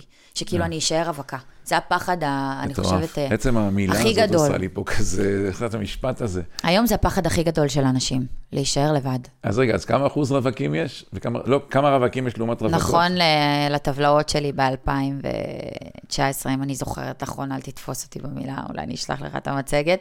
אה, יש אה, יותר ב-17 אחוז, באמת? כן, גברים רווקים מנשים זה רווקות. רווקים או פנויים? רווקים, וואו. רווקים. ו- ואמרת 35 אחוז גירושין. אחוז הגירושים ב-2019. זה עצוב מאוד. זה, חייבים לעשות עם זה משהו, ויש מה לעשות.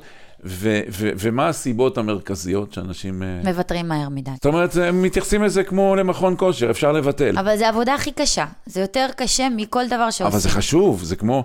תקשיבי, גינה, שאתה... הכי קל לפרק. שאתה, יש לך גינה מדהימה, ולעבוד בגינה זה לא קל, ו... אבל אם, אם, אם הייתה לי גינה מדהימה, אם למישהו יש גינה מדהימה, והוא לא השקע אותה 17 שנה, והוא חוזר לגינה, הוא יודע מה הוא יצפה. זה יכול גם לא להשקות אחרי שנה, כן?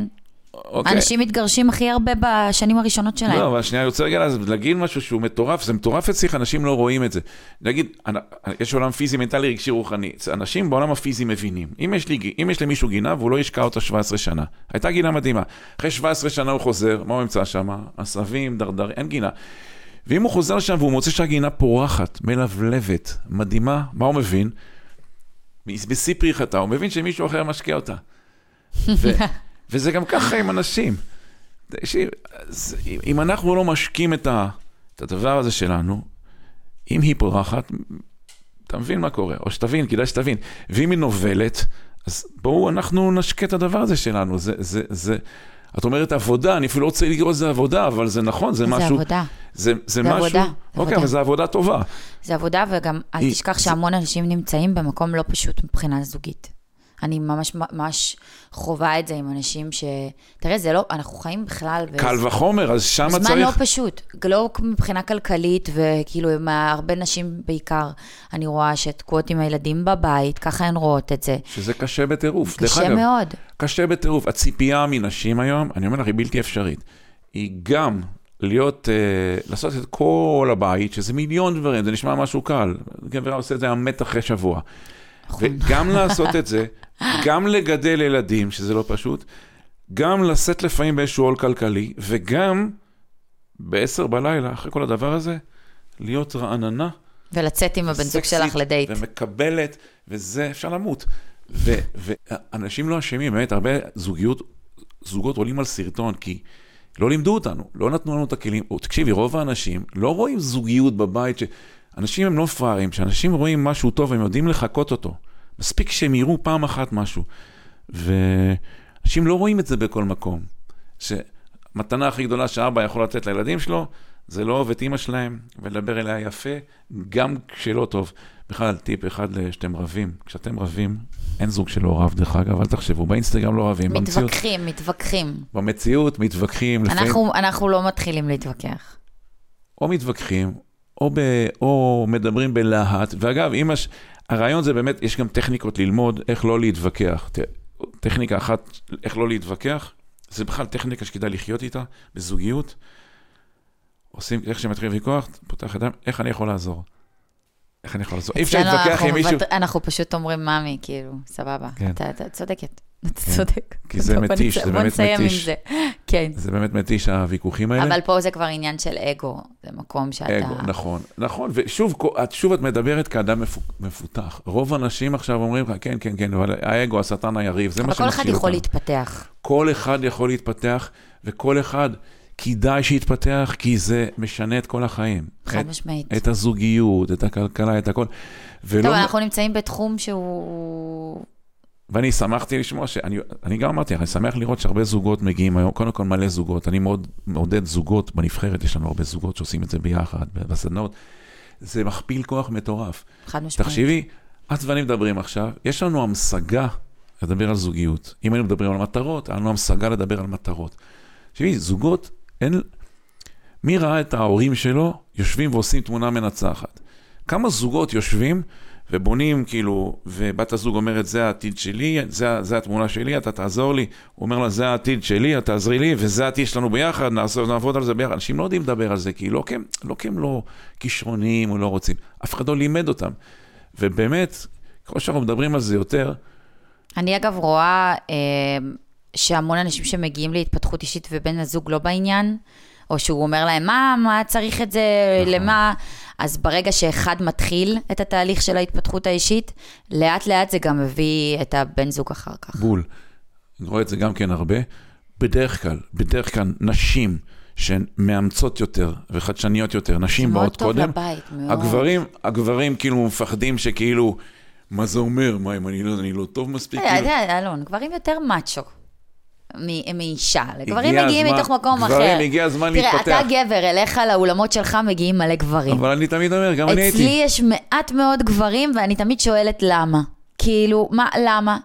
כאילו, הם מגיעים, אבל הם לא מגיעים במסות. אצלך. באולם מלא גברים. אני אגיד לך למה. כי אתה ובית- גבר? יש תמורה, לא, יש גם עכשיו... זה- זה- זו נקודה מעניינת. אז אני אגיד לך, יש קודם כל, אני מודד את זה סטטיסטית. ויש שינוי מאוד גדול. קודם כל, יש היום הרבה גברים מתקדמים, באמת, בנפש. פעם היה כמעט הכל, האישה מגיעה, מביאה את הגבר, הוא עושה נכון. טובות, כן או לא, או אחרי שהיא מתפתחת היא מגיעה. היום יש כבר הרבה גברים שמביאים את, ה, את בת הזוג. זה, זה דבר שהולך ומשתנה, עדיין רוב לנשים, אה, אבל כמו שאני השתניתי, גם אני השתניתי. חבר'ה, זאת נכות, לא להגיד אני אוהב אותך, זאת נכות לא לחבק. אני גם הייתי ככה, אני הייתי סקפטי, הייתי ציני. חלק מהיכולת שלי להצליח זה כי אני יודע, אני מכיר את זה. אני הייתי שם. רותם, תאמיני או לא, הסדנה הראשונה שעשיתי בחיים שלי הייתה בגיל 44. אני כשהתחלתי לעשות סדנאות, עוד לא הייתי בסדנה בחיים שלי. הסדנה הראשונה שעשיתי בחיים הייתה בגיל 44. אני הייתי סקפטי, הייתי ציני, סדנאות, הייתי אומר, עזוב, זה לשבורים. אני בא בעולמות, את יודעת, אני הייתי מפקד ספינת טילים, מה זה השטויות האלה? והעולם היום הוא מתקדם, לגמרי. וכולם מבינים, גם גברים, יש היום המון גברים מפותחים, וכולם מבינים היום גם שיש כלים, יש לגמרי. כלים ואפשר לרכוש אותם, ידע, כלים ושיטות כדי להצליח בחיים, בזוגיות, לגמרי. מערכות יחסים. ואת יודעת מה? אפילו, אם ניקח את זה רגע, משהו שאמרנו בהתחלה, שזוגיות משפיעה על הכל, זה כל כך חשוב, זה משפיע על האושר שלך באלף פי מאה מכל דבר אחר, ולמשל שהזוגיות לא טובה, זה, זה גומר אותך, זה גומר את האנרגיה, זה גומר את העסק. זה משפיע על הכל, על הכל. העבודה, על. החברים שלך, על הזמן הפנוי, זה, זה מכרסם כזה. זה כל כך חשוב. גם כשאין את זה, אגב. נכון. גם אם אתה הכי טוב בעבודה שלך, ואני רואה את זה מלא, אה, ומשהו בזוגיות לא טוב, אוטומטית זה גם יתחיל להשפיע נכון. בעבודה. ואולי, אולי... בגלל בז- זה אני אמרתי, אגב, שזה עבודה. שזוגיות זו עבודה מאוד קשה. אני רואה את זה ככה. זה משהו שצריך לעבוד בו כל הזמן. אני לא יודע אם היא קשה, אבל היא חשובה. היא קשה. וזה משהו שצריך לעבוד בו כל כי לפעמים הזמן. במרוץ החיים, כמו שדיברנו קודם, עכשיו אני מסתכלת על, על אה, הרוב הנשים שיושבות עכשיו בבית עם הילדים, הן גמורות מעייפות. זה קשה עכשיו להבין שאני צריכה כאילו לטפח את הזוגיות הזו. לעשות משהו פעם בשבוע עם הבן זוג שלי. לבוא אליו ולשאול אותו איך היה לו היום. לדבר איתו על משהו. אה, גם לדאוג לעצמי. זה קשה, זו עבודה. זה עבודה, דבר. אבל אני חושב שה... ה- ה- זה סיב- משתלמת מאוד, כן, אבל... איך עושים את ה... איך עושים הכי נכון את המעבר הזה של אה, שנולד ילד? כי הרבה מדי הורים, אה, אני מתאר את זה ככה, נולד להם ילד, שזו שמחה גדולה, ואז הם מביאים אותו הביתה, שמים לו חדר, והוא בהריסה שלו הזאת, במיטה, אני כבר שכחתי איך קוראים לזה, והוא לא נרדם, ועושים לו ככה, זה... והוא לא נרדם, אז לוקחים אותו על הכתף, והולכים איתו בבית, והוא כאילו נרדם, ואז אתה שם אותו במיטה, והוא עוד פעם מתחיל זה, ואז לוקחים אותו לחדר שינה, ושמים את הזה, ואז הוא ממשיך לבכות, ואז שמים אותו במיטה, ובגיל 35, הוא, כעבור 35 שנים, הילד יוצא מהמיטה. איך עושים את המעבר הזה של הורות, ולא דופקים את הזוגיות? כי זה לא אותו דבר. אני חושבת שאחד הזמנים שיותר מאתגרים לזוגות זה באמת אחרי לידה, בעיקר לאישה, אה, כי הכל משתנה אצלנו. הגוף, אה, את מוצאת את עצמך יושבת שם עם הכרוב, ואת אומרת כאילו... תגידי, זה כואב, אני חייב לשאול אותך. כן, זה כואב הלידה, מאוד, לא ההנקה, הכל כואב. הלידה הכל. תראה, אני אחרי שלושה, קיס, שלושה קיסרים, אז וואו, אה, מדהים, כן. כמו אשתי, דרך אגב, שלושה כן? קיסרי, כן. אז זה קשוח מאוד, כן. אבל אני חושבת שמתוך המקום של הנוחות, כשאת מאבדת את הנשיות שלך באיזשהו מקום, את הסקס אפיל שלך, אני אקרא לזה ככה, Mm-hmm. אה, מקבלת גבר שאתם מדהימים, באמת. כשאת אבל, חושבת אה, שאת מאבדת את הסקס אפיל, תראה, זה לא אני בהכרח פרק מאבדת. ב', אז כאילו אני קיבלתי אה, כן. את האיש שלי כשהוא היה ממש מוכן לזה והכיל אותי נורא, אבל כשאני מדברת עם זוגות, לרוב מגיע מתוך נקודה של הגבר, אין מושג בכלל מה קורה. הוא קיבל איזה עולל קטן, שהוא לא סחב עד עכשיו, הוא חשב שהוא סוחב, אבל הוא לא באמת סחב, ואז מגיע הדבר הקטנצ'יק הזה הביתה, ואת שבורה לגמרי וכואבת, ואת רוצה לחזור לגוף שלך, ולמה שהיה קודם, ולחיים שלך, ואת מוצאת את עצמך מלאת הורמונים, בוכה, צריכה לטפל בתינוק הזה שאת לא יודעת איך להחליף לו חיתול, הייתי שם, בלא יודעת להחליף חיתול. ואז מתחיל והוא לא הדיכאון אחרי מבין, לידה. הוא לא מבין, הוא באמת לא מבין, ואין שעות שינה. הוא באמת לא מבין, דרך אגב. הוא לא מבין, הוא לא הוא לא מבין. מבין, הוא גם לא יכול להבין זה. להבין. נכון. אה, לוקח להם, לגברים זמן עד שהם באמת, נדירים הגברים שמתחברים לתינוק ברגע שהוא יוצא. אה, רוב הגברים לוקח להם המון זמן עד שקצת התינוק מתחיל לחייך אליהם ולעשות להם פוצ'י מוצי, ואז הם מתחילים פתאום, אוי, איזה חייך אליי, איזה חמוד זה. אבל לרוב זה לא ככה. אז הם נותנים אותו לאמא והולכים לעבוד. כן, זה קשה. תקשיב, זה קשה. וצריך להבין אבל ש... זה לא כל החיים, כאילו, זאת אומרת, התקופה הזו היא תעבור. אה, היא לא תעבור אם את תשבי בבית ואת לא תדברי על מה את מרגישה. היא לא תעבור אם אתה לא תבין שהבת זוג שלך כרגע עזרה לך ביחד, הבאתם חיים, הבאתם, כאילו יצרתם נס, בריאה ל- ל- לעולם הזה, שזה יהיה הדבר הכי טוב שקרה לכם בחייכם כל זה הזמן, אבל אולי לא מטורף, לרגע הזה. זה נס מטורף. אני עכשיו רואה את הנכד שלי, כשהייתי אבא לא יכולתי לראות את זה ככה. כן, אתה היום במקום שאתה רואה את זה כמו, יש לי ומרגיש את ילד זה בן אחרת. 31, אני... והיום יש לי נכד, אני גם לא מטפל בו, נכד זה בכלל... ברור, זה יותר נחמד, מביאים. לך את זה לפוצי מוצי, ולוקחים את זה הביתה. אז יש את השנים הראשונות האלה, שזה לא, אני אומר שנים כאילו זה לא, זה עובר, זה, צריך להבין שזה זה לוקח תקופה. זמן. זו תקופה. אני חושב שזה מאוד חשוב מה שאתה זו אומר. תקופה. זו תקופה, זו אבל תקופה שצריך מצד שני ל- זו תקופה אבל שחוזרת, כי אחרי ילד אחד, באים עוד עוד אבל- אחד ועוד אחד. כן, אבל זו תקופה שכשאתה. לומד לנהל אותה, וששני הצדדים מבינים שכל כך הרבה דברים קרו פה, וצריך להיות סובלניים אחד לשני, ולהכיל, אה, ולהבין שזה יהיה, זה ילך וישתפר עם הזמן. זה לא, זה הולך ומשתפר. אם אני אשאל אימהות של teenagers, אז הם יגידו שזה לא. שזה לא הולך ומשתפר, אבל זה זה הולך מסר חשוב. ומשתפר. אה, ובפעם הבאה שזה יקרה, אתם כבר תהיו מוכנים לזה, כי כל דבר שהוא קורה בפעם הראשונה הוא מלחיץ ומפחיד ולא יודעים איך להתמודד אני. חושב גם שחלק מהגברים היום יותר, אני חושב שגברים באופן כללי יותר מוכנים. אני רואה את, ה, אני רואה את הבן שלי, הכלה שלי עם הנכד, הוא, וואו, הוא, הוא באמת, הוא לגמרי אחר לא. ממה שהייתי, אולי זה גם תנאים אחרים, הוא, הוא ראש צוות בפייסבוק, ותאמיני או לא, הוא קיבל חופשת לידה של ארבעה חודשים, זה מטורף. מדהים. גבר. מדהים. והוא באמת היה, אני הייתי בורח תוך דקה, הוא קיבל, הוא באמת היה. זה מדהים. הוא עדיין עם איתן, עם הנכד, שזה מדהים. זה מקל, אגב, אם- היה כזה דבר, זה היה מקל על כל הזוגות, כאילו, זה בטירוף. רעיון שאפשר להעביר בממשלה, אבל כנראה זה רק חברות עשירות יכולות לעשות. ו, ואחר כך, מה קורה אחר כך? איך, אני רוצה להגיד משהו שאני, אה, אה, שחושב ש, שזוגות צריכים להבין, שיש, הרבה אנשים מסתכלים על זה כמשפחה, כאילו, המשפחה הגרעינית, אבא, אימא, ואז יש אבא, אימא וילדים. יש פה תפקידים שונים, ויש פה גזרות שונות שהם, איך שאתה אומר, צריך לעבוד בהן. זוגיות זה זוגיות, והורות זאת הורות. זה לא אותו דבר. מישהו יכול להיות אבא נהדר ובן זוג לא הפוך. ובעיניי, את אמרת שזוגיות זה עבודה, אני צריך לשים בזה יעדים. זאת אומרת, בני הזוג צריכים לבלות לבד. חד משמעית. גם כשיש להם ילדים צעירים וגם כשיש להם ילדים מבוגרים.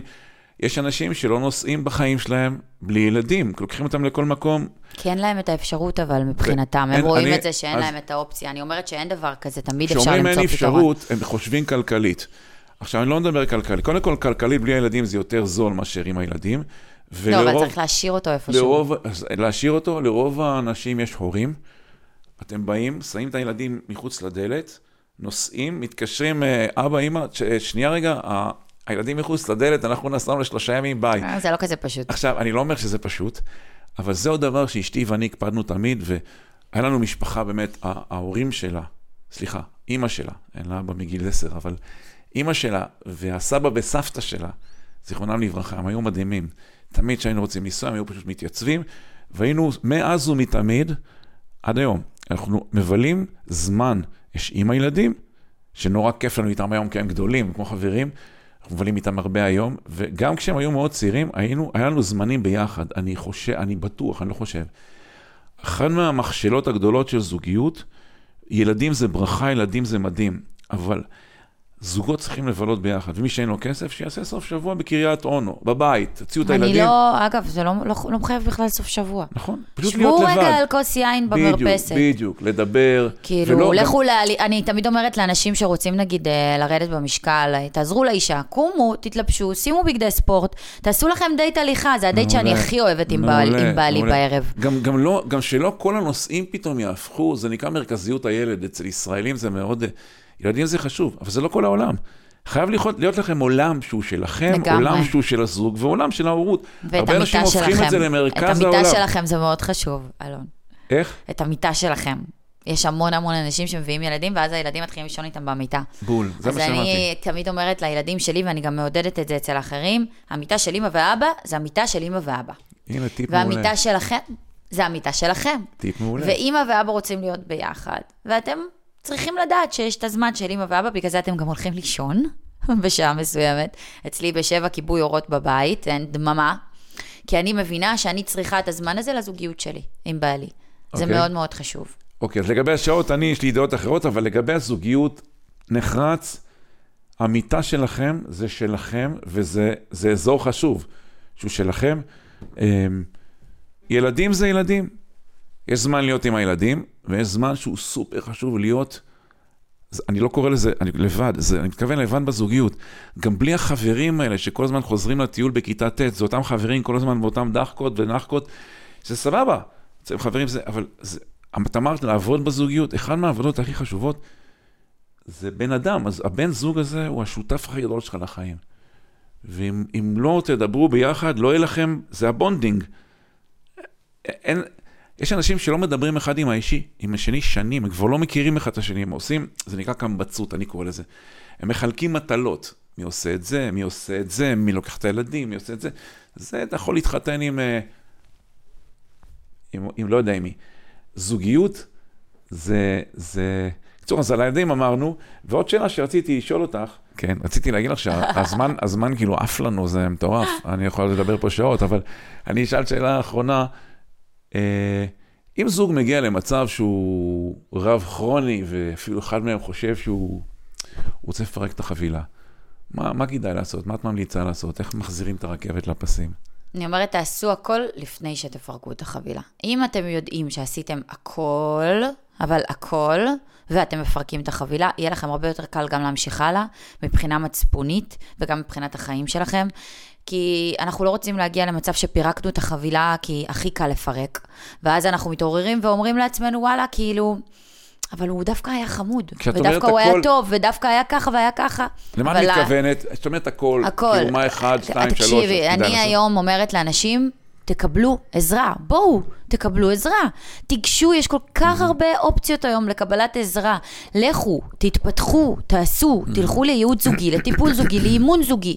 ת, תקבלו את העזרה שאתם צריכים, תלכו לשמוע חוות דעת אחרת. אל תתייעצו עם החברים שלכם ועם ההורים שלכם ועם אנשים שהם בתוך התמונה הזו ואולי הדעה שלהם או הטיפ שהם ייתנו לכם הם לא הכי טובים כי הם מגיעים ממקום אינדיבידואלי שלהם ולא מתוך מה שאתם צריכים באמת.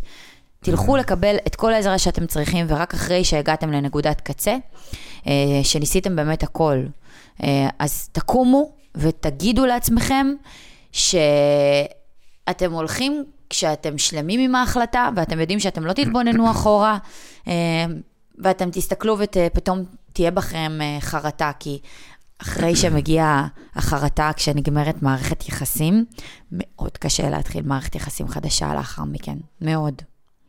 אז תשתחררו מזה. וואי, אני כל כך, אה, אני כל כך, אה, יש לי צמרמורות שאת מדברת, כי בשאלה הזאת, כי זה, זה אחד הדברים שהם בדמי, ממש. אה, אני חייב להגיד לך שכל כך הרבה זוגות שהגיעו לנבחרת ביחד, על מדרגות הרבנות, שהם אמרו לי, זהו, אין, אין תקומה, חיים היום, אני מביא אותם גם לבוקר פצצת גבולות לספר. זוגות, אני עולים לי בראש אנשים, חיים היום מדהים. אני ממש בקטע הזה, כל עוד הנר דולק ניתן לתקן, ובאמת אפשר תמיד לשנות, אמ, תמיד אפשר לשנות, ואני בעד, כי, כי באמת אפשר. ואני מציע, את אמרת פה כמה דברים שהעלו לי כמה דברים. גם כשאתם רבים, גם כשאתם רבים, תזכרו, אתם לא רבים עם האויב. זה לא האויב, אתם תצטרכו לגמרי. להיכנס למיטה מתישהו אחר כך. אל תגידו דברים שתצטערו עליהם. גם כשאתם רבים, תסתכלו על הבן אדם שהתחתנתם איתו. זה זה, זה זה. הוא עכשיו, כאילו, ההתנהגות שלו, היא, יש את המושג הזה, יצא מכליו, הוא יוצא מכליו, זה לא הוא, זה לא הוא, זה. ההתנהגות שלו. הוא יכול לחזור להיות הוא. אה, וה, והיחסים יכולים לחזור ואפילו להיות uh, יותר גדולים. ועוד משהו שאמרת שככה, זה, אל תיתנו לאנשים, אל תיתנו לאף אחד להתערב לכם בזוגיות. כל האימהות שיש להם מה להגיד, והאבות שיש להם להגיד. לפעמים כן יש להם דברים כאילו, חשובים אה, אז- וטובים להגיד. נכון, אז לא לשלול אותם לגמרי. אני לא אבל- שולל אף אחד, אני רק אומר, אם כבר, למי לי שיש לי תמיד כזה. כי אני יכולה להגיד שאימא שלי יודעת, כאילו, ממש טוב. באמת. ספציפית. מעולה, לא, אז לא, לא, תקשיבי לא לה. תקף לכולם, לא, אבל... מה שאני התכוונתי זה, קודם כל יש לי כזה תמיד למי להקשיב ולמי לא כן. להקשיב. למי להקשיב? למי שמאוד הצליח במה שאתה רוצה. זאת אומרת, אם מישהי יש לה נישואים מדהימים, זוגיות מדהימות, תקשיב, תקשיב טוב, לך תחקר אותה כל היום. אם מישהו יתגרש שש פעמים ונותן לך עצות, שחרר. ואפילו עם אנשים שרוצים לעזור לך. והדרך הטובה, אגב, היא, היא לשמוע, אתה, אתה תשב ואתה תקשיב, ולא לתת לאנשים להיכנס ביניכם. לגמרי, זה מאוד חשוב. להתחיל לתת לאנשים לחנך את הצד השני. זה מאוד חשוב. זה גם לא בריא. כן, אז זה מה שהתכוונתי, זה ממש לא בריא. אבל באמת, באמת, באמת צריך לה... ב mindset צריך לחשוב שזה לא מנוי לחדר כושר, ולפני שמבטלים את זה, באמת צריך לעשות הכל, וזה ניתן לתקן, כי אה, אני, אני לא יודע איך זה אחר כך, וזה נראה לי, אני כאמור נשוי 33 שנים, החברים החיפאים שלי המצליחים נשואים 30 שנה, החברים התל אביבים שלי ומהמרכז, כולם פעם שנייה, ואפשר גם פעם שנייה, אבל זה כמו, איך אני אגיד את זה? הכאב הוא זמני, הכניעה היא נצחית. כלומר, once אתה עושה את זה, זה, אתה יכול לעשות את זה, כאילו, זה, מי שעושה את זה, זה לא שהוא אבוד והחיים שלו לא זה. אני מכיר הרבה אנשים שהם בסיבוב שני והם חיים מצוין. פשוט באמת אה, שווה אה, ביחד לעבוד, לא לוותר. כאילו, לא להגיד, אה, אין מה זה, לא לוותר, כאילו, אנחנו חיים במדינה, באמת, שהיא כנגד כל הסיכויים, המדינה הזאת. אנחנו חיים בתנאים בלתי אפשריים, ואנחנו, כמדינה, אנחנו מצליחים, ויש לנו הרבה דברים, תוצאות מדהימות. וגם זוג יכול להיות כזה. בקיצור, תמיד ניתן, תמיד ניתן לתקן. אה, רותם, היה כיף גדול אה, לדבר לי. איתך. יש לך איזה מסר כזה אחרון לעונה, לאומה בפרק הזה? כן. תנקו, תנקו את כל הרעשים שיש לכם בראש. את יודעת מה, יש לי עוד שאלה אחת. תתמקדו במרכז, במה שיש לכם. רותם, מכירה את זה שרואים אה, הרבה זוגות, לפעמים אני, אשתי, אשתי ואני יוצאים ככה בישיבה, מסעדה, חושבים במסעדה, יושבים במסעדה, ואני אומר לה, אתה רואה, זה פרק ב', זה פרק א', זה פרק ב', זה פרק א'. פרק א', אתה רואה אנשים יושבים, לא מדברים אחד עם השני, שניהם בנייד, לא מדברים אחד עם השני. גם בפרק ב' יש כאלה. פרק ב', אתה רואה אנשים ככה נלהבים, וזה, וזה, וזה, וזה, אני אומר לה, זה פרק ב'. ומצד שני אני אגיד לך, יש פרק א', כמונו, ש... שכן מתנהגים כאילו זה, מה ההבדל? תראה, אני התחתנתי עם, עם בעלי כשהוא, אה, בעצם אני נישואים שניים שלו, אה, ואני הגעתי למערכת יחסים הזו מנישואים ראשונים, וכשהכרתי את בעלי, אחד הדברים הראשונים שהוא אמר לי, זה מאיפה למדת את זה? כי יש לך כאילו חוכמת חיים של אישה שכאילו, של בחורה, עוד הייתי צעירונת אז, נכון. שהתחתנה מלא פעמים. נכון. אז אמרתי לו, אני בן אדם שמאוד אוהב להקשיב, אבל כשאני מקשיבה ומסתכלת על אנשים אחרים, אז אני לוקחת את מה שאני צריכה ללמוד מהם, ומשתמשת בזה כדי שזה ישרת את המטרה שלי. Mm-hmm. ואני לומדת, כי זה משהו שאפשר ללמוד אותו.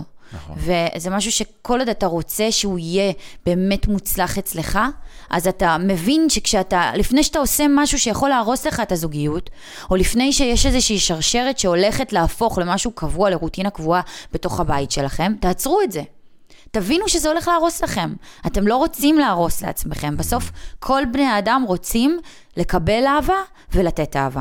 זה המיין שלנו כבני אדם, זה הדבר שהכי אנחנו רוצים. ואנחנו גם רוצים שהילדים שלנו אחרי זה יגדלו בבית, אה, שלב וטוב, עם, אה, אה, עם רוטינה שבה הם רואים את ההורים חברים טובים, כי זה משפיע גם על החיים שלהם בסוף, תרצו או לא תרצו. אז תזכרו שלכל דבר שאתם עושים, יש אה, אה, פעולה, ולאחר מכן תהיה תוצאה, והתוצאה הזו תשפיע עליכם ועל העתיד של הילדים שלכם. האם הילדים שלכם חשובים לכם מספיק? חד משמעית, אני בטוחה שכן. אז אם אתם לא רואים דרך לעשות את זה בשביל עצמכם, תעשו את זה בשביל העתיד שלכם. זה הדבר הכי חשוב בעולם בעיניי. ולהבין... להאמין שמגיע לכם, בדיוק. שיהיה לכם. אתם ראויים כולם לאהבה. לגמרי. אנחנו כולנו ראויים לאהבה, מגיע לנו אהבה, והעניין הזה של לעבוד על הזוגיות זה כדי שזה יהיה שם. רותם, היה לי ממש כיף. גם לי, תודה. את מקסימה. תודה. ובאמת יש לך חוכמת חיים שלא שייכת לגיל שלך, ותמשיכי לעשות מלא טוב למלא אנשים, והזמן עבר לנו ככה ביעף. אה, חברים, מקווה שנהניתם. אתם מוזמנים לכתוב לי בפייסבוק, באינסטגרם, מה אתם רוצים עוד, מה לקחתם, מה עשיתם עם הפרק הזה. ואם נהניתם ממנו, תפיצו אותו למלא אנשים שרוצים זוגיות, שחיים בזוגיות, אל תהיו אגואיסטים, אל תשמרו לעצמכם, שתפו, דרגו, תחיו בעוצמה ותהיו אנשים טובים.